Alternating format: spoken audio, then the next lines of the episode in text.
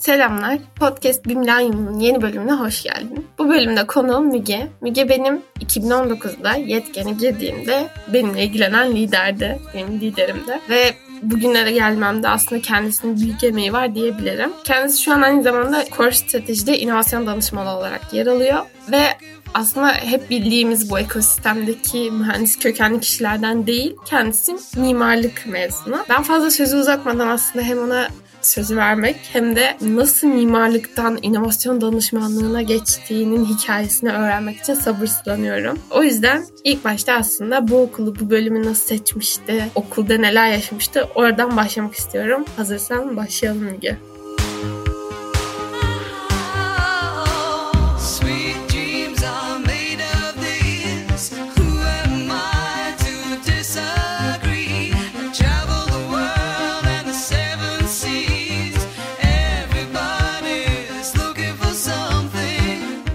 Ben öncelikle liseyi Beşiktaş Sakıp Sabancı Anadolu Lisesi'nde okudum. İlk böyle girdiğim sırada YGS'den 15 bin yapmıştım. Sonra 16-17'ye düşmüştüm sayısalda. Böyle o zamanın verdiği ne bileyim böyle naiflikle şey diye düşmüştüm. Sanatla böyle matematiğin birleştirici bölüm mimarlık olabilir. O yüzden ben mimarlık istiyorum diye. Çünkü ilkokuldan gelen bir resim eğitimim vardı ve matematiğim de çok iyiydi. Okula karar vermek noktasında da şöyle olmuştu. Ben AFS'nin sınavına girmiştim Özyeğin Üniversitesi'nde ve o güzel tecrübeyi orada yaşamak okul tanıtım günlerine gittiğimde de büyük ihtimalle ve aklına link etmiş ki gerçekten beğenmiştim. Uzun yıllar sabah erken uyanıp karşıya geçmenin ve karşıdan geri dönmenin trafiğini çekmek istemediğim için Anadolu yakası olsun diyordum. Peki neden özel diye sorarsanız özel üniversite tercih etmemin de aslında sebebi biraz da imkanlarının daha iyi olduğunu düşünmemdi. Ablam da Yeditepe'de okuyordu. Anadolu yakasında iyi bir özel üniversite neresi olabilir diye düşünürken tanıtım günlerinde gitmiştim. Hem o Erhan Hoca'nın orada kurmak istediği girişimcilik ruhuna sahip olan üniversite vizyonu beni içine çekmişti. Hem yeni yapılmış binası ve mimarlık noktasında yetkin alanları benim tercih sebeplerimden bir tanesiydi. Üniversiteden tam burs okuduğum için böyle gerçekten etinden, sütünden, her şeyinden faydalandım. Çok iyi sömürdüm. Özel üniversite olarak iyi bir okulumuz var ve spor merkezi ücretsizdi. Havuzumuz ücretsizdi. Bunların hepsini bayağı çok iyi kullandım. Bütün kulüplere girdim, çıktım. Kulüp aktiviteleri kendimi yurt dışı, il dışı, bütün aktivitelere ve fonlattım, gönderdim. Erasmus imkanını kullandım ve her şeyini kullandım aslında üniversite. Tabii ki Erasmus bir özel üniversitede verilen bir şey değil ama etinden sütünden yararlandığı bir üniversite hayatım oldu diyebilirim. Ben tam sana şey soracaktım hani bu bölümü nasıl seçmiştin diye soracaktım ama zaten sen de onu çok güzel bir şekilde cevapladın. Peki üniversitede okurken hani üniversitenin zaten tüm imkanlarından faydalanmışsın. Üniversiteden memnun kaldığını düşünüyorum. Buradan bu çıkarımı veriyorum. Bölümünden de memnun oldun mu okurken? Yani şey olur ya hani bazen istediğimizi bulamıyor olabiliriz ya da hani benim gibi böyle biraz yanlış tercihlerle giriyor olabiliriz ama içeride beğenebiliriz. Senin nasıl geçti o süreç, üniversite süreci? Bilmez miyim? Aynı süreçlerden ben de geçtim. Her gün şeydim böyle mimarlık okumak olmak istemiyorum falan deyip ağlayarak eve geldim çok hatırlıyorum. Hatta ailem böyle derdi ki kızım tamam hani bitir böyle yanında böyle böyle oluyor hobi yap, hobi olarak yap, devam et bunu. Ama hep bugün şunu olacağım ben bugün bunu olacağım bunu yapmak istiyorum diye gelirdi. Onlar benim mimari fakültesini bitir derlerdi. Şöyle öncelikle ilk naiflik olarak sanatla tasarım buluştuğu yer olarak tercih etme ana sebebim oydu. Ama tabii ki günün sonunda öyle değil. Hatta sayısal derslerin azlığı beni çok şaşırtmıştı mimarlıkta hani tasarım üzerine kurulduğu için tabii ki statik gibi da matematik gibi temel dersleri biz de alıyoruz ama bir mühendis kadar ileri seviyede belki almıyoruz ve gerçekten bunun içeride yapılacak yetkilikte de insanlar yoktu. Bunun dışında bölümü böyle ana sevmememin ya da sebeplerinden bir tanesi ya da özel üniversitenin bir handikapı olarak bunu burada paylaşabilirim. Özel üniversiteler homojen değil. Bu arada belki devlet üniversiteleri de hiç homojen değildi. Çok heterojendir. Deneyimlemediğim için. Çünkü orada da iller bazında bir heterojenlik söz konusu. Bize de birazcık üniversite sınavı ne kadar bir şey ölçmese bile oraya düzenli çalışmış, hayatının bunun bir parçası yapmış kesimden insanlar belli bir derece elde edebiliyorlar. Her ne kadar yine de hani 200 bin dereceye sahip olan biri de bence çok süper başarılı insan olabilir. Yani orada hiçbir şey yok. Ama böyle burslu, yarı burslu ve burssuz olan insanlar arasında bir gap, hayattan bekledikleri, dersten bekledikleri arasında bir sıkıntı vardı. Ben özelinden memnundum. Memnun olduğum açılar, sunduğu imkanlar ama bir yandan da şöyle memnun değildim. Mesela ben İngilizce fakülte seçmiştim. Ama derslerin çoğu sınıfta yabancı öğrenciler olmasına rağmen çoğu demeyeyim haksızlık etmiş olurum. Ama bazı dersler özellikle belirtmeme ya da içeride yabancı öğrenci olmasına rağmen Türkçe işlendiği bile olmuştu. Bence bu mesela yurt dışında okuma hayali kuran ben gibi bir öğrenci için gerçekten demotive edici bir unsurdu. Bunun dışında düşünüyorum başka böyle bölümle alakalı. Üzerinden iki yıl geçmiş ama yıllar geçmiş gibi böyle. Genel olarak şunu söyleyebilirim. Bence özel üniversite bu arada özel üniversiteye bir tabii ki kavram yok. Vakıf Üniversitesi. Vakıf Üniversitesi ve devlet üniversitesini tercih etmek arasında birazcık onun farkında olmak lazım. Biz siz yemekhanede 25 kuruş zam geldiğinde bizde zaten birçok zam oluyordu ve buna baş kaldırmak isteyen içeride bir gruplar olsa bile belki o kadar büyük destek yaratılamıyordu. Ama Özyeğin aslında bunun yapıldığı bir yerdi. Ben hatırlıyorum. Şatıların ücreti artırıldığı için carpool app'i çıkartılmıştı Özyeğin içinde. Herkes birbirleri arabasını paylaşıyordu. Ama tabii ki günün sonunda ajanda olarak İETT otobüsü belki yani Akbil derdinde olan bir devlet üniversitesi varken bizim okulda tabii ki otoparkta yer bulamıyoruz derdi daha fazla dile getirilen bir problemdi. Ama bunları da bilmek lazım ya da okula tabii ki alternatifler var. Tabii ki süpermarket vesaire var ama Nero'da var ve sabah kahvaltısını ve yanındaki o çayı afford edemeyecek, karşılayamayacak eminim öğrenciler vardır. Bu tabii ki bu birazcık beni de üniversitede çalışmaya çok gitmişti. Ben hani tam bursluydum. Okuldan yardım bursu bir dönem almıştım. Sonrasında Mehmet Zorlu Vakfı'ndan zaten burs alıyordum ama yine de gerçekten Özyeğin'de okumak ya da herhangi bir vakıf üniversitesinde okumak birazcık pahalı olabiliyor aynı yerlere gidebilmek, o şatılı ya da yemekhane ücretini karşılayabilmek ya da genel olarak mimarlık ekipmanlarını karşılayabilmek. Orada iyi bir tartmaları lazım bence kişilerin. Okulun verebildikleri ve senden götürdükleri arasında vakıf üniversitelerinin bir de bu tarafı var. Birazcık kafa dengi insan bulmak zor olabiliyor bu heterojenlikten dolayı. Bunun dışında oradaki ajendalar, günlük konuşmalar, insanların hayattan beklentileri farklı olabiliyor. Ama Özyeğin şu konuda da böyle bayağı güzel. Dediğim gibi girişimcilik ekosisteminin olduğu, bir oturduğunuzda bir yurt dışı deneyim mesela en azından bir Isaac yapmış Özyeğin'de çok insanla karşılaşırdınız. Çünkü herkes şeye fitti. Evet ben gerçekten global citizen olmak istiyorum. Konfor zonumun dışına çıkmak istiyorum diyen Özyeğin Üniversitesi Üniversitesi öğrencisi de gerçekten görece bence diğer üniversitelere göre fazlaydı. Ve bu beni gerçekten çok mutlu ediyordu içerideyken. Bence süper anlattın ve çok noktası doğru şeyden bahsetmiştin. Üniversitede bir sürü aktiviteye katıldığından bahsetmiştin. Onlardan böyle kısa kısa bahsedebilir misin? Yani mesela Isaac kulübüne katılmıştın diye söyledin az önce. Ondan bahsedebiliriz. Ya da Erasmus programı okuldaki hani nerelere gittin, neler yaptın. Böyle ufak ufak onlardan bahsedebilirsen süper olur. Tabii ki hızlıca böyle CV'mdeki aslında kronolojik sıraya göre bahsedebilirim. Ben ilk Özyeğin Üniversitesi'ne girdiğimde zaten hazırlık İngilizcem iyi değildi. O konu çok iyi bir hazırlığı var. Bir hazırlığa vermiştim kendime. Bir yandan da ek geliri olsun diye böyle parti organizasyonu yapıyordu. Bir de hep böyle liseden beri tutkum münazaraydı. Münazara kulübündeydim. Böyle çeşitli illere münazara yarışmalarına giderdik. Ve münazara kulübü başkanlığı yapmaya başladım. Bunun akabinde de ben de hani biz hangi turnuvalara katılabiliriz? Yurt dışında bir turnuvaya katılabilir miyiz? Mesela öyle bir yurt dışı turnuvasına katıldım katılmıştık. Ama tabii ki hiçbir zaman size söylenmiyor ki aa burada bu etkinlik varmış bir katılmak ister misin? Hayır. Kulüplerin ayrılmış belli bir bütçeleri oluyor ya da kendi içerisinde yarattıkları, kazandıkları, edindikleri, yaptıkları aktivitelerden bütçeleri olabiliyor. Sizin orada araştırıp bakın bu bu bu var biz bunları zaman yapabiliriz gibi. Ve gerçekten o kulüp başkanlığı süreci benim için bayağı öğretici olmuştu. Çok güzel bir süreçti. Isaac'le tanışmam da Pakistan'a gitmemle beraber oldu. Deneyimim güzel ama bir yandan da çok kötüydü. Ve demiştim ki ben gerçekten ilk öğrenip daha fazla insan insanın bu deneyimi yaşamasını ama daha da iyi yaşamasını sağlamak için neler yapabilirim? Derken aslında Isaac üniversite bazında bir kulüp olmaktan ziyade Anadolu yakasında Isaac İstanbul Asya'da bir organizasyon olarak vardı. Ben onun içine dahil olmuştum. Akabinde tabii ki Mimarlık ve Tasarım Fakültesindeki arkadaşlarımla beraber benim en azından yönetiminde rol almadım ama danışma kurulunda yine olduğum, il dışına çeşitli aktiviteler düzenlediğimiz Gezi, Mimari Gezi onların organizasyonunda destek olmuştum. Ancak diğer arkadaşlarım hakkını yememeye yani yürüttüm diyemem onlar bayağı büyük kısmında rol alıyorlardı. Buna ek olarak bir de iki tane spor aktivitesiyle uğraştım. Şu anda mesela bugün pazar günü Belgrad'da orienteering'den geldim. Üniversitenin ilk iki senesi orienteering takımında koştum. Orienteering ormanda ya da herhangi bir noktada aslında haritadaki hedefleri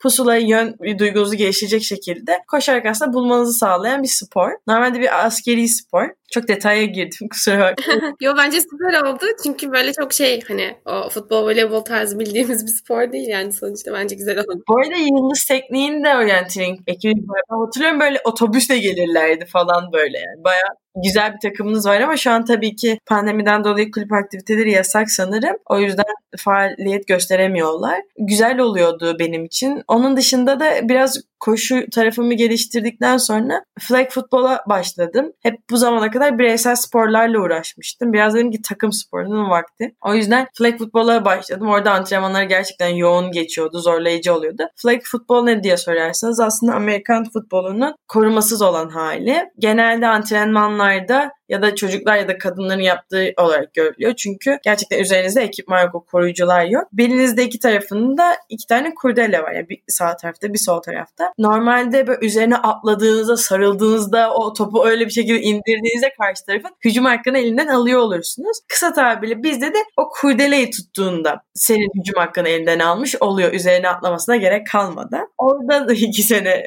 geçmişim oldu. Bunun dışında şey, Özyeğin'de gerçekten Erasmus böyle bulmayı bulmak zor. Çünkü dediğim gibi herkes Erasmus'a gitmek istiyor. Ve Erasmus bütçesini üniversitelerin sahip olduğu öğrenci sayısına doğru olarak hibelendiriyor. Ne kadar doğru bilmiyorum ama ya bir Yıldız Teknik ya da bir İTÜ'nün aldığı hibeyle çünkü orada kaç tane öğrenci var. Özyeğin aldığı hibe birbirine eşit olmuyor. Ama bizde de tam tersi istek çok fazla. Yani gerçi öğrenci az ama eminim öğrenci %50'si böyle gitmek istiyordur. O yüzden herkesin girdiği gibi biz de bir sınava giriyoruz. O sınav sonucunu tercih ediyorlar. Tercih edip nereye gitmek istiyorsanız. Anlaşmalarımız önceden çok iyi değildi. Sonuçta yeni kurulan bir üniversite. Böyle çok çok iyi üniversiteleri hemen ilk başta almıyorlar ama yıllar içerisinde Erasmus yapabileceğimiz okulların da bayağı sayısı arttı. Ve oralara normalde mesela benim zamanımda hiç giden yoktu. O yüzden de böyle sorabileceğim biri de yok. Nasıl geçti deneyimin diyebilecek hiç kimse yoktu. Ama şu an okulunda yıllanmasıyla beraber mezunların da böyle gerçekten birbirini tutan bir mezun kitlemiz var bence. Onların da böyle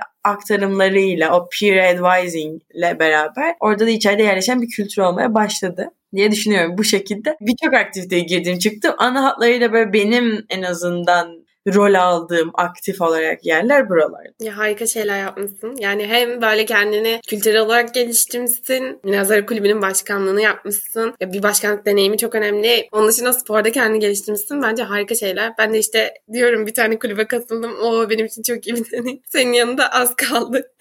ben geçen arkadaşımla konuşuyorum. İşte azı çoğu yok. Yani hiç deneyim deneyimsizlikten kötü bence. Yani bir şekilde o deneyimin kötü ya da az olması büyüktür her zaman hiç deneyim yaşamamandan. O yüzden burada hani böyle eğer bir mesaj vereceksek hiç fark etmez hangi kulübün hangi aşamasında çok operasyonel bir kısımda da gerçekten bir etkinlik olacaktır. Su taşınması gerekiyordur. Yani onu taşımak bile bence çok önemli çünkü o aktivitelerin operasyonel kısımları bence en sancılı kısımlar ve orada öğrenilecek çok şey oluyor aslında. Gibi böyle az olsun ay böyle üşendim ya da girmeyeyim ya da çok içime sinmedi deyip bırakmaktan ziyade belki girin yani hiç evde oturmaktan daha iyidir her türlü diye düşünüyorum. Kötü deneyim deneyimsizlikten iyidir. Aynen aynen ben de katılıyorum. Yani kötü deneyimden de bir sürü tecrübe elde ediyorsun sonuçta. Bu arada artık evde oturup kulüp faaliyetlerine katılıyorlar. O da dönemin getirdiği bir şey oldu bize. Bu arada varsa Yıldız Tekniğin açıksa bilmiyorum kulüp başvuruları da geçti sanırım. Bizim stajyerimizden öğrendim. Onlar evet online'da yapıyorlarmış. Ya ben de evde böyle yapacak aktivite çünkü sosyalleşmeyi seviyorum bu arada. Bir varsa kulüp falan Canan gelebilirim yani gerçekten. Aa, hemen hemen yollarım sana. Yani bir sürü kulüp var ve hepsi online olarak gerçekten güzel etkinlikler yapıyorlar. Ben de ara ara takip etmeye çalışıyorum. Hatta geçen gün Fatih İş Becer'le tanıştım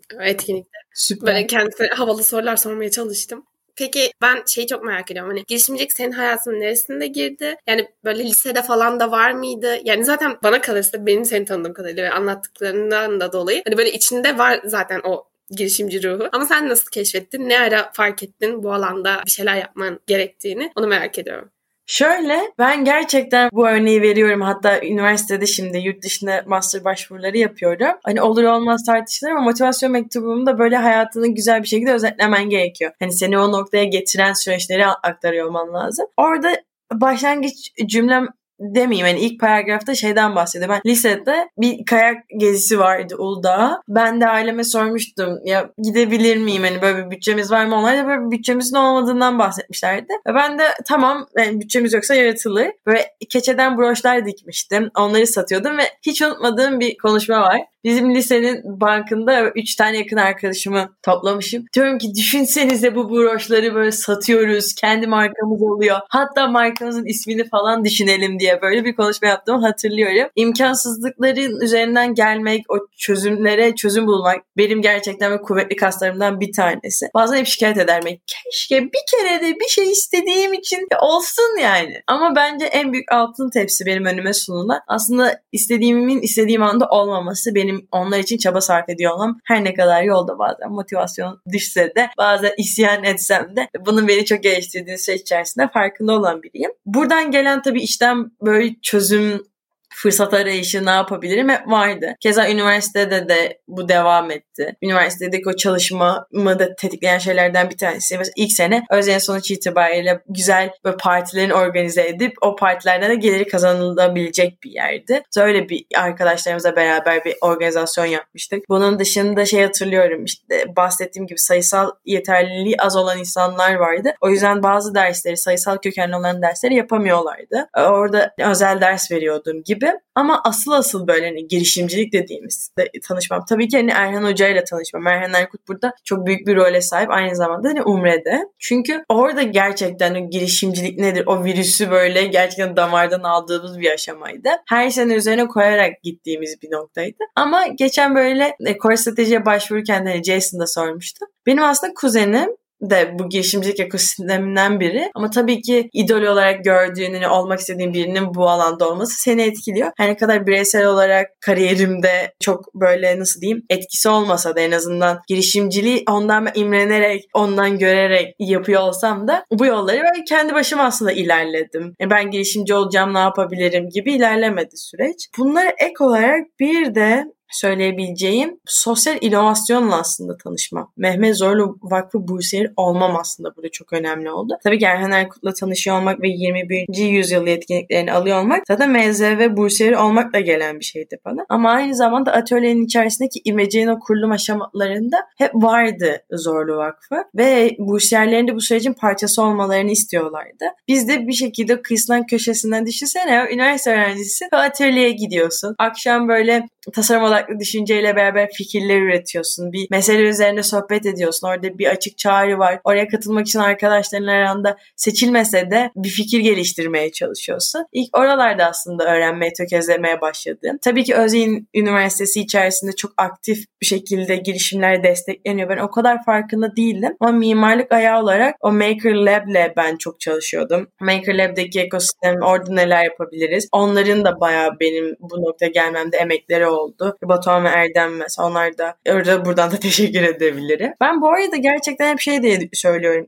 şu anda fark ediyorum. Tek bir yerden değil bunlar. Bir noktada o BZV'nin o Erhan Erkut'la tanışmanın verdiği Erhan hocamla ki süreç var. Birazcık kuzenimin aileden gelen onun yaptıklarını böyle görmek var. Küçüklükten beri başarısını hep kendim örnek almak var. Bir yandan o mimarlık, mimarlık ve tasarım süreçlerinde aslında genel olarak Türkiye'de büyüyen o 3D printerlar, o atölye ekosisteminin tam benim üniversitede okuduğum zamanlara denk geliyor olması. Orada aktiviteler yapabiliyor olman. En sonunda benim bu sosyal sorumluluk projelerinde artık gördüğüm gerçekten dünyada değişmesi gereken şeyler var. Benim içimde büyüyor oluşu. Bu gezdiğim gördüğüm yerlerde bir şeyleri değiştirme isteğimin artması. Ve bu noktada da tam Impact Hub İstanbul'un Türkiye'de kurulmuş bir iki sene öncesinde. Birinci yılını kutluyorlardı sanırım ben staja başvurduğumda. O, ortak böyle büyüyen bir ekosistemin içerisinde ben yolumu buldum. Bir senede Impact Hub da staj yaparken iyice orada girişimcilik ekosistemi ne anlamaya aslında başladım diyebilirim.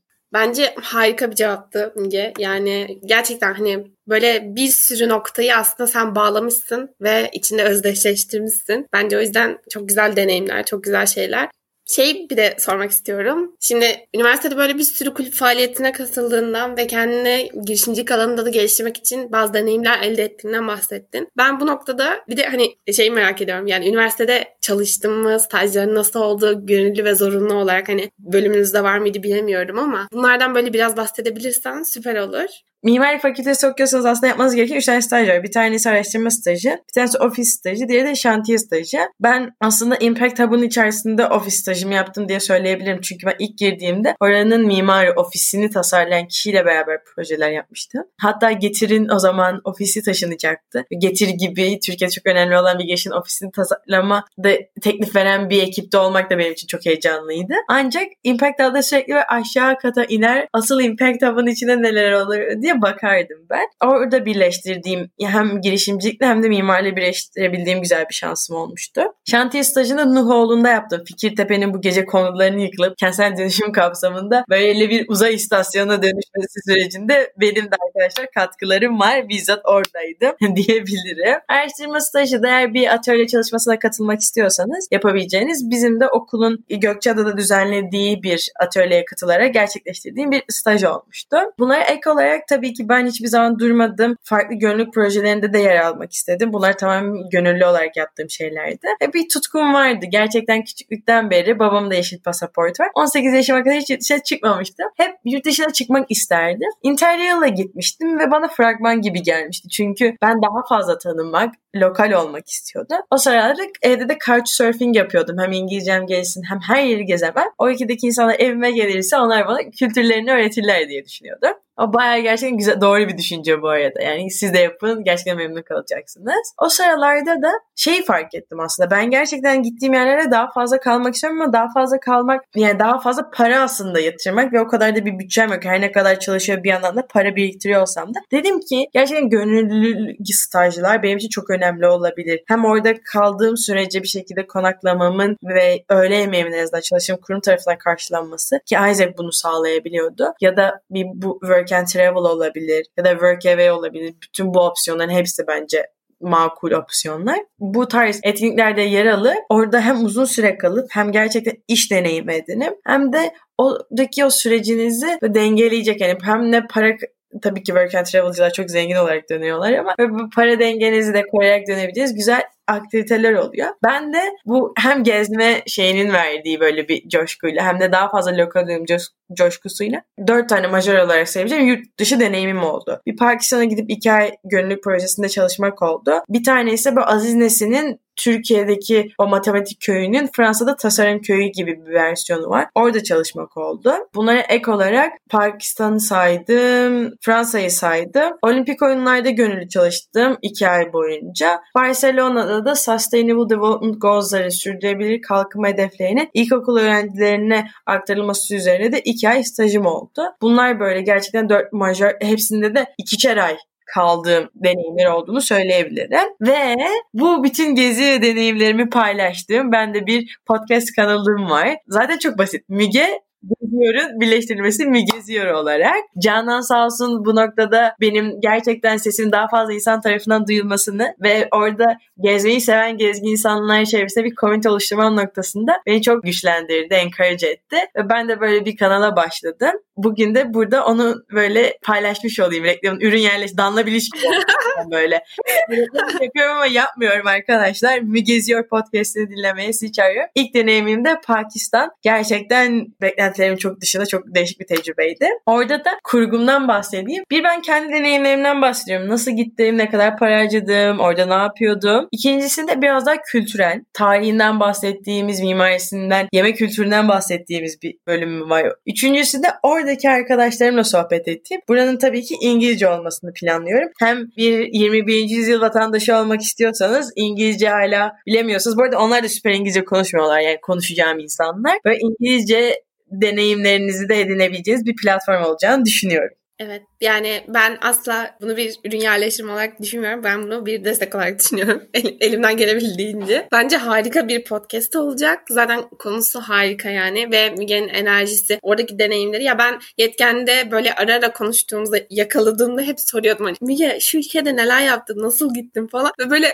yani anlattığı şeyler harika şeyler, harika değişik deneyimler yaşamış. O olimpik stajyer olman ya da işte ne spoiler olmasın diğerlerini Müge'ninki kanalından dinleyin. yani harika deneyimleri var bence. Ben de şöyle bir yine reklam hemen yapayım. Aslında dediğim gibi her yeri ziyaret etmemiz çok zor hem nakden hem vakten. Ben mesela o zaman couchsurfing yapmayı bir yöntem olarak bulmuştum. Aslında giden insanları dinlemek de bir yöntem orada. Gerçekten evinize geliyor o hikayeler. Siz de onlarla onların gözünden o deneyimleri yaşama şansına erişiyorsunuz. O anlamda ben de kıymetli olacağını düşünüyorum. Bu arada sadece bir deneyim olarak bunun yeterli bahsedilmediğini düşündüğüm için tekrar gündeme yetkeni getirmek istiyorum. Ben yetkeni bir staj deneyim olarak bahsetmedim çünkü gerçekten benim için part time bir işti. Oradaki deneyimlerim paha biçilemez, orada öğrendiklerim. Biz orası hep yazın sanki başka bir staj yapılırmış gibi düşünüyorduk ama yani şu an en azından bahsettiklerim hep yazınki deneyimlerimde. Dönem içerisinde ilerleyen hep bir yetken vardı. Hafta sonları, hafta içi akşamları. Tabii ki ilk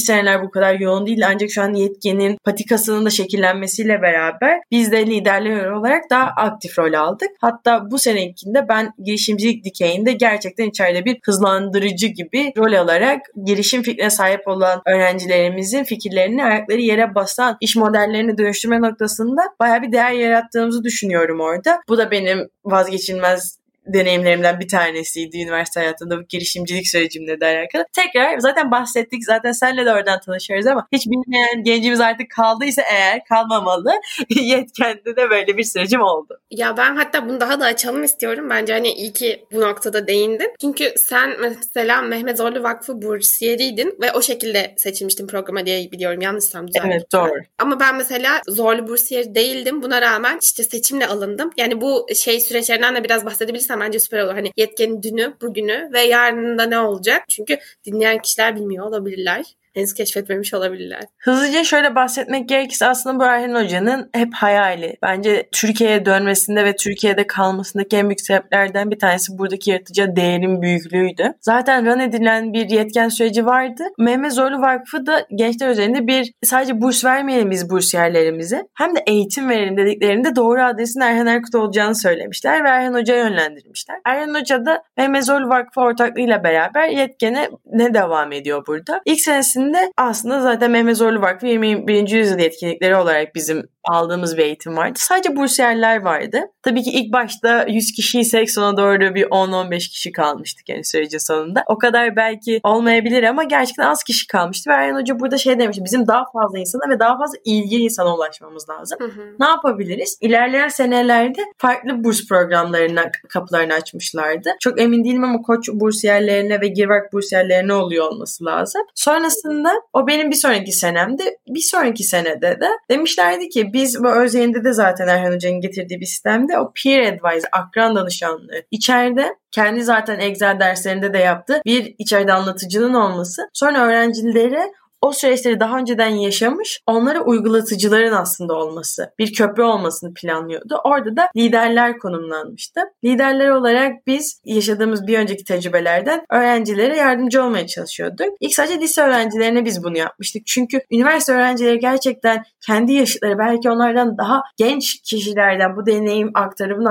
almaya müsaitler mi bilmiyorduk. Ve bir noktada da artık ilk başta sadece bursiyerler ve daha farklı burs gruplarının oldu. Sonra açık bir başvuru lise öğrencilerine oldu. Ve daha da sonrasında Türkiye'ye gerçekten açık olan, burada tabii ki Türkiye demek şey olur, belki şu an o noktaya gideceğiz, geleceğinde onu söyleyebiliriz. İstanbul özelinde ama Ankara'dan ve diğer illerden gelen katılımcılarımız da vardı. Çok yoğunlukta olmasa bile hafta sonları gerçekten biniyorlardı uçaklarına ya da otobüslerine sırf bu eğitime katılabilmek için gelen öğrencilerimiz vardı. Yetken şu an geldiği noktada artık bir 21. yüzyıl yetkinlikleri veren dersler bütün olmaktan çıktı tamamıyla. Burada bir alternatif eğitim, Türkiye'deki en çok da belki gençler olarak rahatsız olduğumuz eğitim sistemine bir alternatif getirme, orada bir inovasyon yapmak üzerine şekillenen bir organizasyona dönüşüyor. Bu kapsamda bu online'ın da vermiş olduğu bize bir güç var. Biz gerçekten bir haftada online'a geçtik diyebiliriz çevrimiçi kanallara ve daha fazla etki yaratabileceğimizi hep zaten bu şekilde öngörmüştük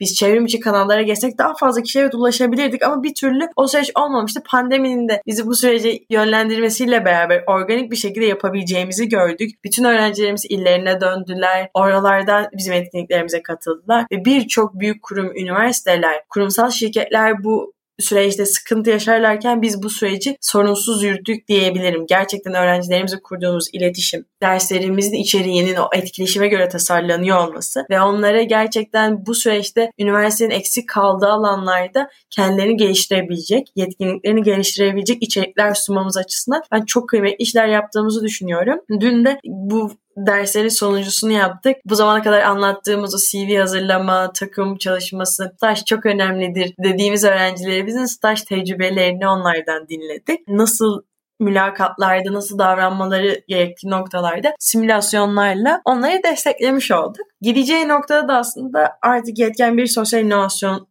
dönüşüyor. Bu bir girişim artık. Gerçekten eğitim noktasında Türkiye'de bir alternatif olabilecek bir hale dönüşüyor. Spoiler vermeyeyim bu kadar anlatmış olayım. Zaten bu seneki döngüyle yaptığımız başvurular açtığımız başvurularla beraber duyuyor olursunuz. Zaten zirvemiz yaklaşıyor arkadaşlar. Her sene düzenlemiş olduğumuz gençlik zirvemizde bu sene tabii ki pandemi sebebiyle online'da yine olması planlanıyor. Olacak yani. Orada da alanında uzman, motivasyon verecek gerçekten konuşmacıların oldu. Muazzam bir gün bizi bekliyor olacak ve her sene böyle zirveye gider. Belki dinlediğim konuşmacıları bir kere daha dinler, ilham alırım. Ve yılın bu zamanlarına denk geliyor olması bence çok manidar. Çünkü döneme yeni başlıyorsunuz, ne yapacağınızı bilmiyorsunuz ama yeni yıl da geliyor ve diyorsunuz ki bir şeyler yapmam lazım. Tam yeni yıl öncesi ufkunuzu açan, sizin içinize hem girişimcilik hem de başka alanlarda tohum eken ve yeni yıla gelen döngüyü de bu tohumları yeşertebileceğiniz bir sürecin ilk adımı oluyor diye burada bırakabilirim. Ya gerçekten sular seller konuşuyorsun. Burada tekrardan aklıma böyle yetken anılarım falan geliyor ve ben şey çok katılıyorum yani çok güzel bir dönemde bu zirve oluyor. Çünkü ben de üniversiteye ilk girdiğim yıl böyle ne yapacağıma çok karar verememiştim ve biraz hani ilk bölümlerde de bahsettiğim gibi ilk seride hani üniversite tercihimde bölüm tercihimde çok kararsızdım Hani doğru mu yaptım, yanlış mı yaptım? Emin olamadığım bir süreçte böyle. Orada haberim olmuştu. Mehmet Zorlu Vakfı'nın zirvesinde şey olmuştum. Gençlik zirvesinde haberim olmuştu. Başvurmuştum ve hani böyle yaklaşık bir ay sonra falan sanırım ikinci aşama için böyle bir şey gelmişti. Bildirim gelmişti, maili gelmişti. O zaman gerçekten heyecanda olmuştum.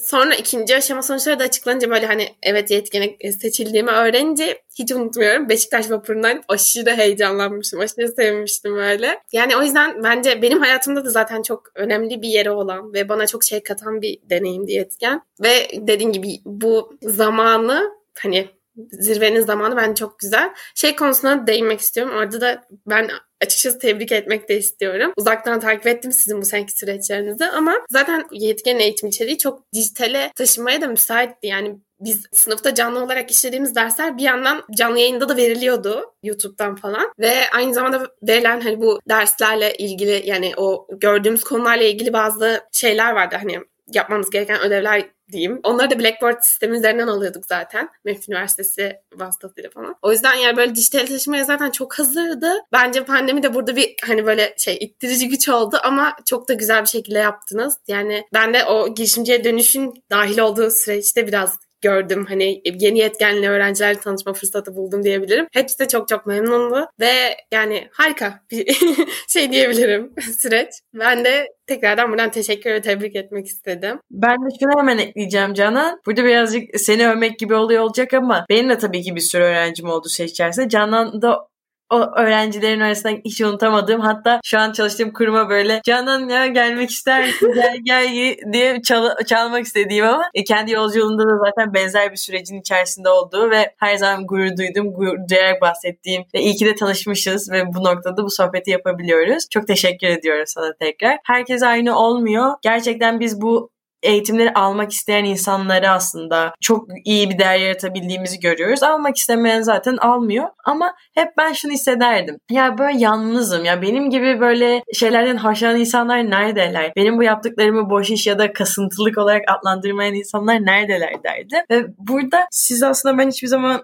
öğrencim ya da ben a mentorum gibi düşünmezdim kendimi. Gerçekten bir arkadaş grubum oldu. Sonunda konuşabileceğim, sohbet edebileceğim, aynı şeylerin hoşlandığım bir arkadaş grubu olarak gördüm sizi. Hep bir ekip olduğumuzu hissederdim. Şu anda hissediyorum. Çok teşekkür ediyorum tekrar. Ay ne demek ya burada tam bir duygusal tapım şu an.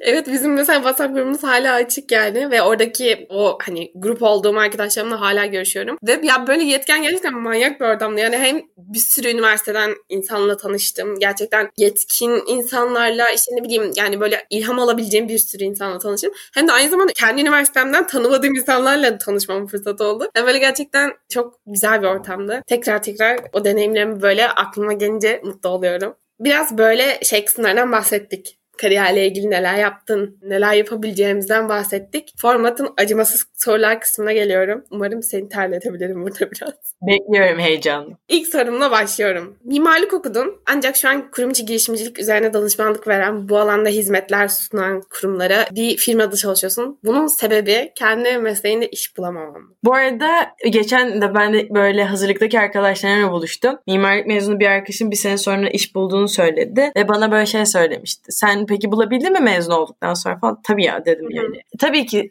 mimarlık gibi bölümlerde okumak şu an Türkiye'nin içinde bunu krizden de dolayı çok zor. Maaşlar gerçekten düşük ama kendinizi eğer geliştirirseniz üniversiteden sonra hızlıca iş bulabiliyorsunuz. Ne kadar zor oluyor olsa da. Ben direkt bir tasarım ofisinde çalışmıyordum. Ben böyle çatı sistemleri üreten bir şirkette çalışıyordum ve onun yurt dışına ihracatından sorumluydum. Orada aslında satış yapıyordum ama mimarlık yetkinliklerimle bunu yapıyordum. Sonuçta sattığımız ürün mimari bir ögeydi ve kişiler bize mimari planlar atıyorlardı. Burada mimar vasfıyla gerçekten bir sene çalıştım. Bu alanda gerçekten çalışmak istemediğimi fark etmem. Yani mimarlık zaten çok okumak istemiyordum. Böyle iyi ki mimarlık okumuşum. Çünkü mimarlık disiplini gerçekten çok farklı bir disiplin. Hatta şu an core stratejide çalışırken de gördüğüm şey. Biz mimar olarak sahaya inerdik. insanlarla konuşurduk. Oradaki problemi anlamaya çalışırdık. Ve katman katman bir analiz ede ede ilerlerdik. Bu katmanların içerisinde bir konsept oluştururduk. Oradaki tasarım konseptimizi ben hocam böyle yapacağım çünkü çok beğendim, çok güzel oluyor dediğimizde asla karşılık bulmazdı. Bunu bunu böyle yapacağım çünkü diye anlattığımızda aslında onun alt metnini doldurabildiğimizde mimarlık olurdu. Orada bizim yaptığımız şey tabii ki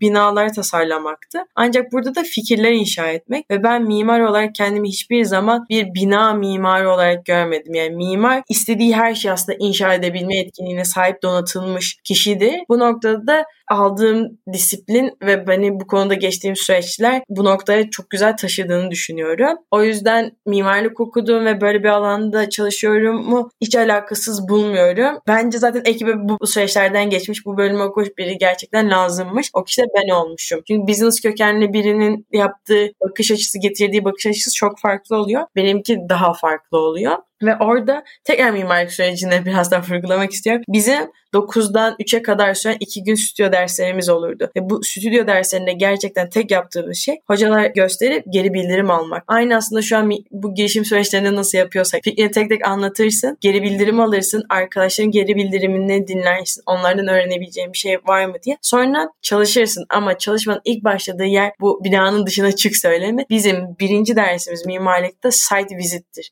Yani gerçekten o alana gitmek ve o alanı gezmek. Böyle tabii ki sadece o alanı gezmek değil aynı zamanda o alanlarla alakalı araştırmalar yapmak, tarihini anlamak gibi bizim şu an süreçlerimizde de çok paralel olduğunu görüyorum. O yüzden iş buldum. Hatta bıraktığım işin bana daha fazla gelir sağlayan bir işti. Şu anki işimden belki imkanları daha iyi olan bir işti ama ben onu reddedip böyle bir alanda ilerlemeyi tercih ettim.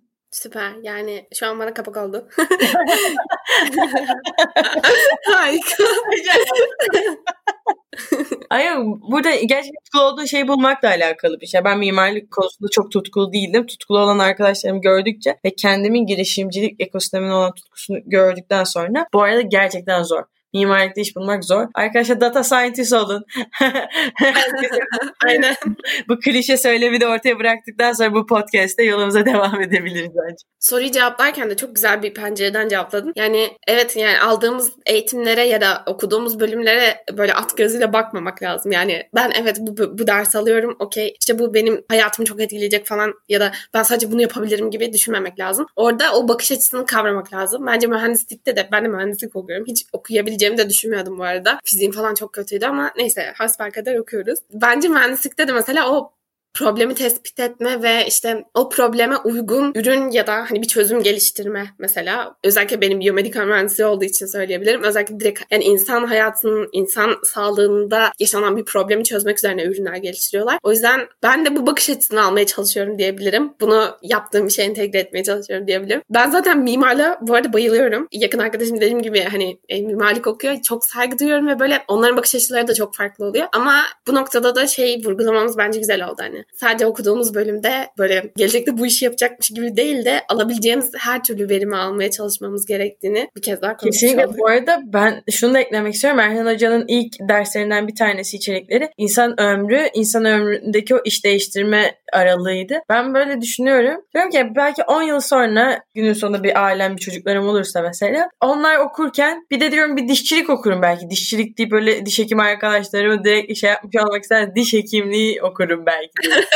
Düzeltelim. Evet, düzeltelim. E, diş hekimliği okurum belki. Ve hayatım bundan sonrası öyle devam ederim. Ya da mutfakla alakalı zaten bir ilgim var. Oraya yönelirim. Ha, bunu hobi olarak da tutabilirim, iş olarak da. Ama ben zaten 30 yıllık kariyerimde bu alanda ilerlemek zaten istemiyorum. Masanın belki diğer tarafına geçebilirim. Bir kurumsalda çalışabilirim ya da bir girişimci olup kendi girişimimi kurabilirim. Bu beni çok heyecanlandıran bir şey. Özellikle bir sosyal inovasyonun parçası olmak beni çok heyecanlandırıyor. O yüzden ne okuduğunuz üniversite etkili ya da ne iş bir önceki iş deneyiminiz. Yani siz o alana ilerlemek istiyorsanız, yapmak istiyorsanız o deneyimi bir şekilde kazanırsınız. O yetkinliklere sahip olduğunuzu karşı tarafa ispatladığınız müddetçe. Evet kesinlikle ona çok katılıyorum ve ben hani zaten dünya bu yönde evriliyor, bu yönde gidiyor ya ama pandemi de bize bunu çok iyi gösterdi yani. Hani oturduğun yerden istediğin şeyi öğrenip onu öğrenme hırsın ve hevesin olduktan sonra hangi okulda okumuşsun, kaç ortalamayla mezun olmuşsun çok da önemli değil diyebiliriz. Diğer soruma geçiyorum. Çok fazla yurt dışı deneyimin oldu. Oralarda staj yaptın, gönüllü stajlar yaptın, farklı etkinliklerle oralara gittin. Ve hani hala da yurt dışı şeyleri araştırıyorsun diye biliyorum böyle hani yüksek lisans programları falan. Ya yani bu kadar çok yurt dışı deneyimin oldu ama şu an yine de Türkiye'deki kurumlara hizmet veren bir şirkette çalışıyorsun. Bunun sebebi yurt dışında iş bulmanın zor olması mı yoksa senin yerelde bir şeyler yapmak istiyor olman mı merak ediyorum. Bu bence gerçekten acımasız bir soru. Çünkü bazen kendi içimde de başarısız olarak görüyorum. Ben de diğer arkadaşlarım gibi mezun olduktan sonra yüksek lisansa gidip yurt dışında okuyabilir miydim? Ya da bu süreçte ataletim mi çok yüksekti? Gerekli efor sarf etmedim mi Müge? diye kendim düşünürken gerçekten birkaç kere buldum. Ama orada şey gerçekten söylemek istiyorum. Bu arada bugün gerçekten hepsini çok kullandım. Bu saatten sonra her gerçekten dediğim başına 5 TL bağış koyalım. Bir kere daha söylersem ve kenarda biriktirelim. orada şöyle bir süreç oldu. Ben mezuniyetten sonra 3 ay yurt dışında kaldım. Dedim ki yani ben dönmeyeceğim. Burada bir şeyler bulacağım. Ancak yine o zaman krizler olmuştu. Döndüm 3 ay sonra eurolarımı böyle harcadıktan sonra. Türkiye'de işe başladım. Zaten döner dönmez. Oradaki o süreç hızlı ilerledi. Ben zaten o zamanlar bile yani Türkiye'de mi kalsam, mimarlık mı yapsam kararsızdım. Bir şekilde işe girmiş oldu. Bu bir sene içerisinde sorguladım ve şu an geldiğim noktaya geldim. Yüksek lisans ya da yurt dışı noktasına da bağlarsak yurt dışına giden yüksek lisansa giden arkadaşlarımın biraz hayatlarını bir noktada hani ötelediklerini düşündüm. Çünkü benim için biraz da ötelediklerini düşünmedim. Bence onlar için de güzeldi. Şu an hayatlarını orada başlıyorlar mesela. Orada bir network edindiler. Orada bir şey yaptılar. Ama benim öyle bir lüksüm yoktu da diyemem. Sonuçta bir sürü imkan var. Ama ben orada sanırım yurt dışına gitmek benim için kolay olan taraftı. Ben biraz daha Türkiye'de kalmak, Türkiye'de gerçekten biraz törpülenmek istedim. Bir daha o yasaklı kelimeyi söyledim. Bunun benim için daha zorlayıcı olacağını, burada tutunmanın, buradaki süreçleri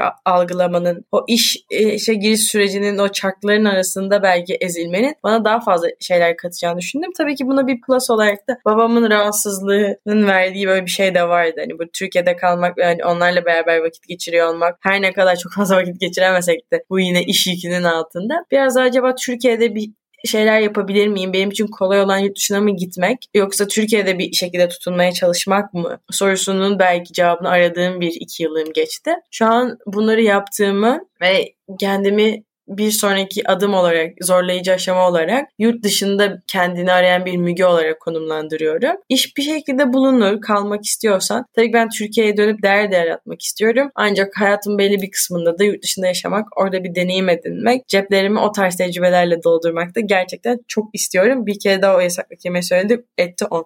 Ya ben gerçekten her verdiğin cevapta böyle melil melil dinliyorum seni. Gerçekten çok güzel bir cevap verdin yine. Aslında şöyle bence benim için de ve belki de çoğu insan için de yurt dışına çıkmak aslında zor olan. Ama sen Türkiye'de kalmak ve bu burada çalışmak senin için biraz challenging olmuş. Şaşırdığımız bir cevap oldu ama güzel bir şekilde cevapladın.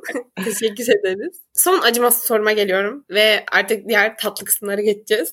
Son sorum ya bu soruyu aslında böyle cevapladım ve nasıl diyeyim? Önceki sorular yani önceki konuları konuşurken hep böyle aslında senin içinde bir girişimci ruhunun olduğunu deneyimlerini dinledik bu alandaki. Yani bu soruyu sormam ne kadar mantıklı bilemiyorum ama yine de senden de böyle detaylı bir cevap alabilmek adına soruyorum. Girişimcilik senin için bir gençlik hevesi mi? Yoksa ilerleyen zamanlarda da yine buralarda faaliyetler gösterecek misin? Bence asla bir gençlik hevesi değil. Belki bir çok söylenmiş bir klişe olabilir bir yaşam tarzı. Yani hayatımda her nokta lisede o arayışlarımda da üniversitede diğer yaptığım şeylerde de bunu gördüm. İş olarak yapma noktasında bir kuruma geçersem, sosyal kuruma geçersem bir kurum için girişimciye kesinlikle dönüşürüm. Bu tarafta kalıp mentorluk vermeye devam etmek, bu ekosistemi geliştirmek benim için çok kıymetli. Ancak geri sonra bir girişimci olmak, gerçekten kendi girişimim etti üç. Kendi girişimimi hayata geçiriyor olmak benim için daha kıymetli olabilir mi arayışım var. Aslında bir hayat e, bir geçici heves değil. Hatta hayatımı çevresinde şekillendirdiğim bir değer benim için. Güzel. Yani ben zaten bu sorunun cevabını böyle olduğunu biliyordum ve eminim bu, buraya kadar dinleyenler de eminim anlamışlardır. Ama yine de senden de duymak güzel oldu. Şimdi tatlış bir kısma geçiyoruz.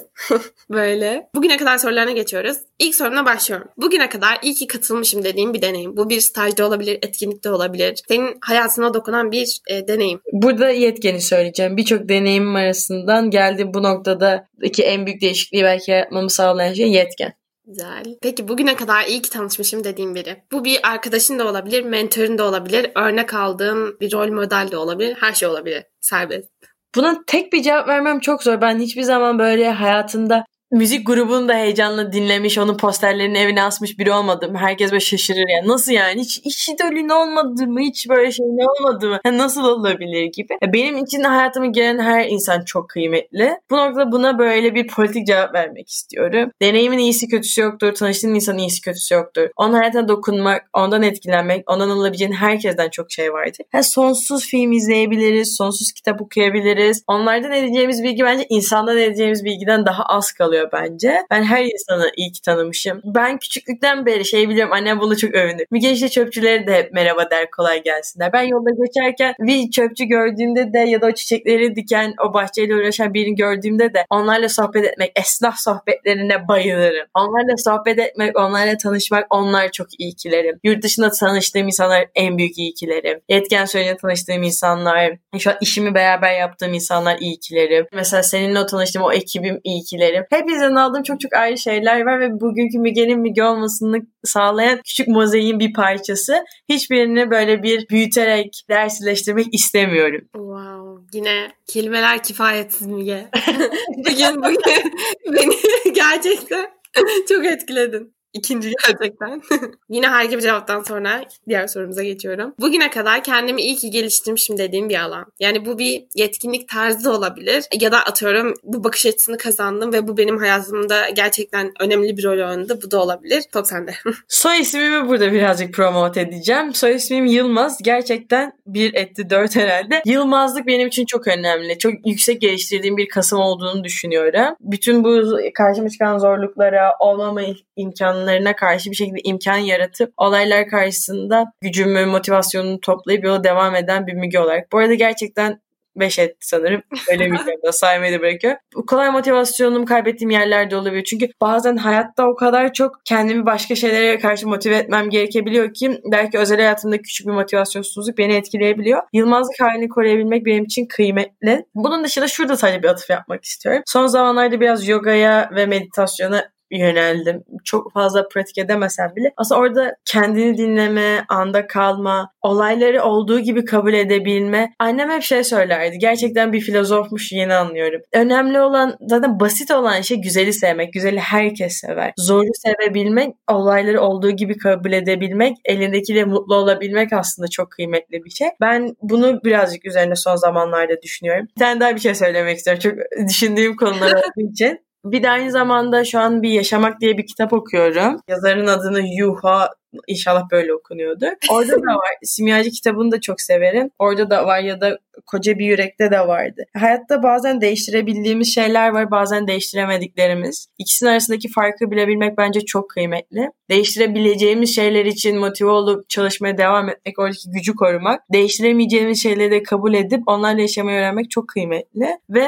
diğer kitaplardaki ana mesaj benim aldığım Hayatta hepimizin yapmak istedikleri bir amacı, ulaşmak istedikleri bir yer var. Ve bu yolculukta neyin iyi, neyin kötü olduğunu bilemeyiz. Birazcık zaman vermek, belki o zamanda kötü diye üzüldüğümüz deneyimler iyi ki de yaşamışım, o an iyi ki de öğrenmişim onlardan deyip diyeceğimiz bir süreçler olacak. Hayatta keşkelere yer vermemeye çalışan, anını değerli yaşamaya çalışan ama bunu yaparken de kendine çok yüklenen bir müge var aslında. Belki de geliştirmek istediğim bir özellik olarak soruyor olsaydın o öz şefkati biraz daha geliştirmek isterdim. Kendime karşı büyük bir örnek veriyorum podcast'in ikinci bölümünü çekmeye şu an hazırlanıyorum. Araştırma yapıyorum ama bir aksiyona geçemiyorum. Ve o zaman kendime çok yükleniyorum. İşte zaten sen her şeyi erteliyorsun. E zaten buna bahane. Aslında yok. Müge hiçbir şey bahane üretmeyen, çok düzgün çalışan, azimli, vaktini verimli kullanan biri. Bunu kendime övmek için söylemiyorum ama kendime hiç bu sözleri söylemiyorum. Şu an ilk defa belki söylüyorum. Dışarıdan bir göz gibi Müge'ye baktığımda. Birazcık öz şefkat tarafımı geliştiriyor olmak isterdim deyip bir derin cevap daha vermiş olayım. Ne kadar doluymuş Can. Burada da ben de kendimi azıcık öveyim. Ne kadar güzel sorular hazırlamışım ki böyle Kesinlikle. güzel şeyler duyabiliyorum karşıdan. Bunu seni övmek için söylemiyorum. Ben hayatta insanların sorduğu sorulara çok dikkat ederim. Beni ne kadar anladıklarını, anlamadıklarını gösterir. Doğru sorular sorabilmek çok önem verdiğim bir şeydir. Gerçekten sorular çok güzel hazırlanmış. Seti de gördüğümde üzerine ne kadar düşünülmüş olduğunu gördüm ve şu anda cevaplarken bunu da tekrar söylemiş olayım. Hayatta bence geçecek başka bir yetkinlikte doğru sorular sormak olabilir. Canan en azından bu tarafı bayağı kasını geliştirmişsin. Çok teşekkür ediyorum. Ay ben teşekkür ederim asıl ve bu benim aslında çok da geliştirmek istediğim bir nokta. Bence ya burada ben de bir içimi dökme şey seansı yapıyorum hemen kısaca. Böyle etkinliklere gidersin, büyük insanları dinlersin ve onlara böyle çok kilit sorular sorarsan hani ne bileyim mailini alabilirsin bir şeyler olur ya hani böyle hayatına dokunacak bir olaydır. Ya ben ilk başladığımda bu yani etkinliklere gitmeye başladığımda gerçekten soracak soru bulamıyordum. Ama yavaş yavaş soru soran insanları, güzel sorular soran insanları dinledikçe kendime geliştirmeye başladım diyebilirim. O yüzden buradan hem teşekkürler hem de böyle ben de bu soruya cevap veriyormuş gibi oldum. Rol çalma Canan. Bu benim podcast'im yani. Senin podcast'inde ben misafirim. Ben de benim podcast'inde seni ağırlayayım. Sen, ben de Rusya'yı dinleyelim. Hiç gitmedim. Belki öyle bir de gitmek istediğim yerler başka Hı-hı. insanlardan dinleyeceğim bir kısım olur belki. Vay bak bak. Ya asıl sen şu an rol çalıyorsun. Resmen benim podcast'imde kendi podcast'im konu evet. Seha buraları kesme. Baya güzel bence. Herkes enerjimizi, yüksekliğimizi hissetsin yahu. Bence Bu pandemide zor günlerde, evimize böyle kısıtımız günlerde. Benim de bir günüm böyle geçiyor. Günümün gerçekten bir kere daha oldu. Bu anı gelsin de Canan'la sohbet edelim. Bizi belki evinde sıkılmış yatarken dinleyecek ya da yemek yaparken belki yolda arabasında dinleyecek. Bilmiyorum. Belki şu an değil yıllar sonra bizi ünlü olduktan sonra ya bunlar da ne zaman ne yapmışlar ne saçma şeyler keh keh keh deyip böyle eleştirmek için bir de dinleyecek insanlara sesleniyor olmak çok keyifli. Kesinlikle. Ya ben de bu içeriklerin kalıcılığı konusuna çok yükseliyorum. Umarım yıllar sonra da insanlar bizi dinlerler. Ünlü olduğumuzda eski ünlülerimizi dinlerler. Hazır böyle çok enerjimiz tavan yapmışken hızlı sorulara geçelim. Yep. Evet hemen başlıyorum. Spotify mı Netflix mi? Spotify. Instagram mı Twitter mı? Kesinlikle Instagram. Twitter hala çözemedim. Lütfen yardım edin. Üzerine Twitter atın ya. Ne olursunuz. Hala çözemedim. evet ya ben de 11. sınıfta falan bırakmıştım bu arada sınava hazırlanırken ve şu an mesela adapte olma konusunda bir, bir tık zorlanıyorum. Yani zaten mesela Facebook tamamen bilmediğim yabancı olduğum bir yer şu an. Ama Twitter'da da hala böyle biraz şey geriden gelmiş gibi hissediyorum. Sabah çalışmak mı, akşam çalışmak mı? Ben çok iyi bir morning person olduğumu düşünürdüm. Ancak son zamanlarda biraz daha night person'a dönüştüm. Artık gece çalışmak diyebilirim. Evet. İşte pandemi. Sabah uykusu çok tatlı arkadaşlar. Ama orada da yapacak böyle bir şeyi kafaya koyduğum zaman tabii ki kalkabiliyorum. Yoga yapacağım sabahlar mesela. Bir ara gerçekten arka arkaya yoga yapıyordum. Bir ay, iki ay kesintisi sabahları kalkıp yapmıştım. Sonra ona bir ara bir boşluk girdi. Ondan sonra o motivasyonu kaybettim. Geri kazanmak istiyorum. Morning person olmak bence benim çok değer verdiğim bir şeydi ama hayatta da onu zorlamamak istiyorum. Bir gün sabah kalktığımda, geç kalktığımda hep işte bir günün kötü geçecek. Sen işte morning person'sın. Neden geç kalkıyorsun? You sana de, derken buldum kendimi ve artık şey diyorum. Bu da normal eğer şu an böyle kalkmak istiyorsan, bedenin bu şekilde rahat dinlenik hissediyorsa okey böyle olmasına izin ver. Ama yine de daha erken kalkmayı hayatını konumlandırmak istiyorsan o zaman mesela gece geç yatmamaya dikkat et. İşte telefonda çok vakit geçirme hani kaliteli bir uyku çekebilmek için. İşte onun yerine kitap oku ya da vücudunu öyle yor gibi böyle yapabileceğim şeylerin üzerine odaklanmış. İşte değiştirebileceğimiz şeyler bu. Sabah geç kaldıktan sonra onu değiştiremem bir daha. Vakti geri alamam yani. Deyip burada kendimi justify edeyim biraz. Evet evet. Ya bence de çok kritik bir nokta bu. Yani ya niye suçluyoruz kendimizi ya? Ya biraz salalım kendimize de hani zor zamanlar geçiriyoruz. Zor zamanların içinde yaptığımız işlere istinaden kendimize saygımız olması lazım. Bu bedenin de bu zihnin de dinlenmeye ihtiyacı var sonuçta. O yüzden bence güzel bir noktaya değindin. Tekrardan biz derin düşüncelere soktun Mige. Mige ile derin sohbetler oldu. Kusura bakmayın. O zaman buradaki son hızlı sorumu soruyorum. Ya son değil iki. Son iki tane kaldı pardon. Ofiste çalışmak mı? Ya işte eskiden okula fiziksel olarak gidiyorduk. Bunlar mı? Yani hayatımızı dışarıda geçirmek mi? Yoksa bunları hepsini evden yapıyor olmak mı? Yine politik olacağım hibrit sistem en iyisi. Ben kesinlikle insanları organik şekilde tanışmak çok kıymetli bir şey. Bir yanda da kendine de vakit ayırabilmek, kendine o alanı sağlayabilmek çok kıymetli. İkisinin arası. Öyle bir siyah beyaz değil, gri'nin bir tonunu tercih ediyorum şu an. Allah'ım. ya her cevapta böyle tutuklu kalır mı insan? evet o zaman son hızlı sorumla devam. Girişimcilik mi? Kurumsalda çalışmak mı? Yani bunu aslında startup mı kurumsal mı diye daha düzgün sorabilirim. Bence startup ama son zamanlarda böyle sadece şurada bir eleştiri yapacağım startup ekosistemini. Startup ekosisteminde böyle bir algı var ya işte seni sömürsün. Çünkü startup ekosistemi sömür yani o öyle bir yerde aslında değil. Ama onu sevmiyorum ben. Yani insan her türlü kıymetlidir ve insana değer veren startupların da varlığının bence çoğalması gerekiyor ya da bu bakış açısının biraz daha değişiyor olması bence kıymetli olan bir şey olduğunu düşünüyorum. O kurumsalın o verdiği en azından haklar bütününün startuplara da gelmesi halini çok istiyorum. Startup ama biraz daha geliştirilmiş startup diyorum. Güzel. Bu cevabın da bence yine güzeldi. Teşekkür ederiz. O zaman artık yavaş yavaş toparlayıp son sorularımıza doğru ve benim aslında böyle yani en hani merak ettiğim, en de derin cevaplar verebileceğini yine düşündüğüm sorular. Pandemi resmi olarak bitince yapmayı en çok istediğin şey nedir?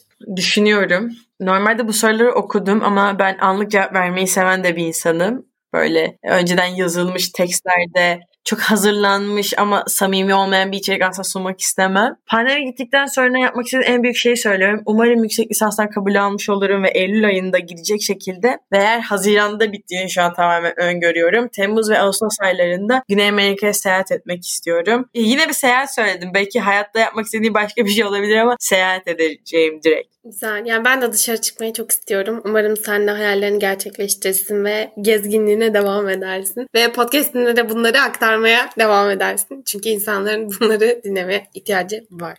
Özellikle senden. Keşke ben kursaydım dediğim bir girişim. Aposta'ya baktıkça mesela bunu düşünüyorum. Böyle İçerikleri çok hoşuma gidiyor. Tabii ki böyle bir dünyadan globalden de bir örnek verebilirim. Hem böyle yaşıt olarak genç olmaları, onların da geçtikleri süreçler ve değindikleri nokta benim çok ilgimi çekiyor. Ben de yapabilirdim ya. Neden yapmadın Müge? Ya da böyle o mesela onu gerçekten her okuduğumda her sabah böyle onlara karşı bir içimde bir övgü oluyor yani. Böyle mutlu oluyorum. Ne güzel iş yapmışlar yahu. Yapıyorlar da parçası olmayı istediğim bir süreç olabilirdi diye düşünüyorum. Kesinlikle katılıyorum. Ben de her okuduğumda cidden ya özellikle böyle şey kısmı çok iyi ya. Yani hani yani haberi sadece evet işte arkadaşlar Instagram şöyle bir ceza aldı ya da işte yani dolar şu kadar oldu falan gibi vermiyor. Bunun nedenini de açıklıyorlar. Neden bizim ülke için önemli olduğunu falan da açıklıyorlar. Bence o yüzden çok değerli bir iş yapıyorlar. Buradan da tebrik edelim. Gerçekten. Dinlerler bilmiyorum ama. Kalite duyarlar mı? Evet, bilemiyoruz. Belki bundan sonra iş teklifi geliyor. Wow. Biraz da öyle. Ya gerçekten kaliteli içerik bulunmasının zor olduğu günlerde çok ahap ama dediğin gibi de derin içerikler üretebiliyorlar. Çok kıymetli iş yapıyorlar bence. Medya zaten şekilleniyor. Onlar da burada kendilerini güzel bir yer bulduklarını düşünüyorum. Kesinlikle katılıyorum. Bu cevabın için de teşekkürler. İyi olmayanlar da gitsinler Aposta bültenine kaydolsunlar. Sabahları haberleri hızlıca alsınlar. Ya bu, bu ne ürün yerleştirmesi bilmiyorum. Aposta'yla alakamız yok. Hiç reklam almadık. Ee, ama alınabilir. evet. Son soruma geliyorum. Bir genç olarak bu dünyaya söylemek istediğim bir söz. Seha bu, burası bir 10 dakika falan sürebilir. Dedim bir sessizlik. Arkadaşlar şarkılar çalmaya başlıyor. İlk başta söylediğimi söyleyebilirim. Ya da genç olarak dünyaya söylemek istediğim. Yani içinde sıkışıp kaldığım yani. Bize çok yüklenmesinler gerçekten. Artık bir daha gerçekten demek istiyorum.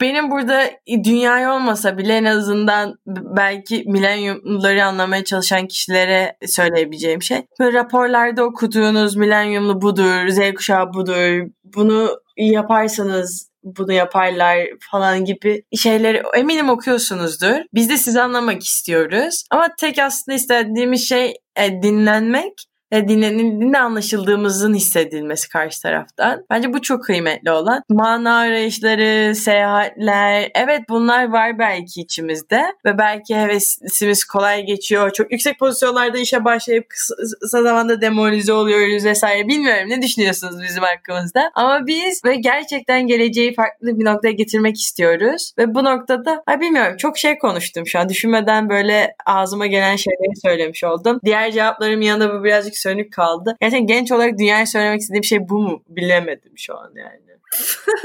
Çok iyi. Ya ağır bir soru Canan. Bu soru değişir. Altında ezildim şu an. O zaman şey altında ezileceğimiz şeyler beklemeyin bizden. Lütfen dünya. Yani biz biz biz olmak istiyoruz. Biz belki sizin beklentilerinizi veremeyeceğiz. Bizim biz olmamıza izin verin lütfen. Bence çok güzel bir mesaj verdin yine ama. Yani evet bu son çok samimi bir mesaj. Bu son kısım benim de içmesinde. Bilmiyorum ya nasıl editler beni nasıl anlatır bilemedim şu an. Ben heyecanla bekliyorum kaydı şu an. Ya sen bekle. Bu 1 saat 12 13 dakika ya. Öyle bir keseceğiz ki Müge. Sadece kötü kısımları. Takıldığın kısımları alacağız. Hainler size.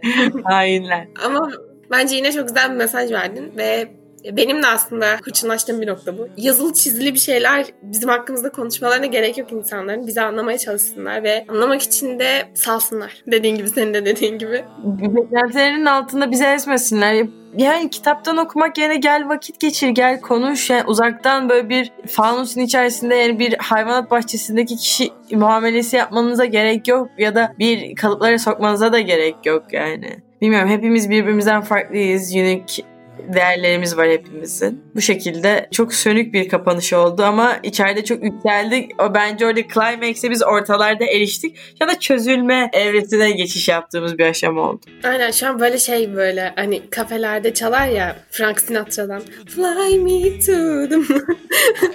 ya da şey gibi geldik. böyle gece kulübüne gittiğinde bu arada ben gerçekten kulübü, ya, clubbing'i de çok severim. Patlatıcı müzikler çalar falan. Ama en sonunda ve Athena'dan ben böyleyim. Işıklar için hadi gidin mekandan falan. Müziğine geçiş yapılır böyle. O aşamaya geldik gibi düşünüyorum. Ben bugünkü cevapların için, sohbetin için gerçekten çok teşekkür ederim Müge. Yani böyle hem çok derinlere indiğimiz, çok yükseklere çıktığımız yani böyle enerjimizin gerçekten tavan bulduğu ve çok güzel deneyimleri senden dinlediğimiz bir bölüm oldu.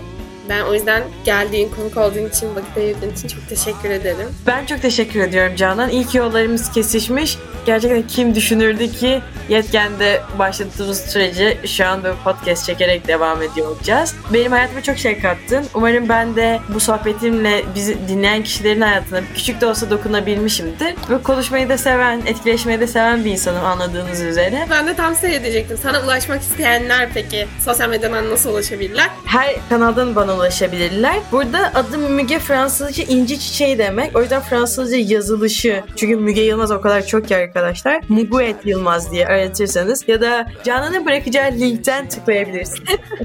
Aşağıdaki linklerden tıklayarak ulaşabilirsiniz. Evet. Benim hakkında ya da podcast ile ilgili de bana bir şeyler sormak isterseniz Bimlanyum Twitter ve Instagram kanalımdan ya da aşağıdaki linklerden her türlü ulaşabilirsiniz. Dinlediğiniz için çok teşekkür ederim. Umarım siz de benim kadar Müge'den ilham alırsınız. İlerleyen bölümlerde görüşmek üzere. Görüşürüz. Görüşürüz.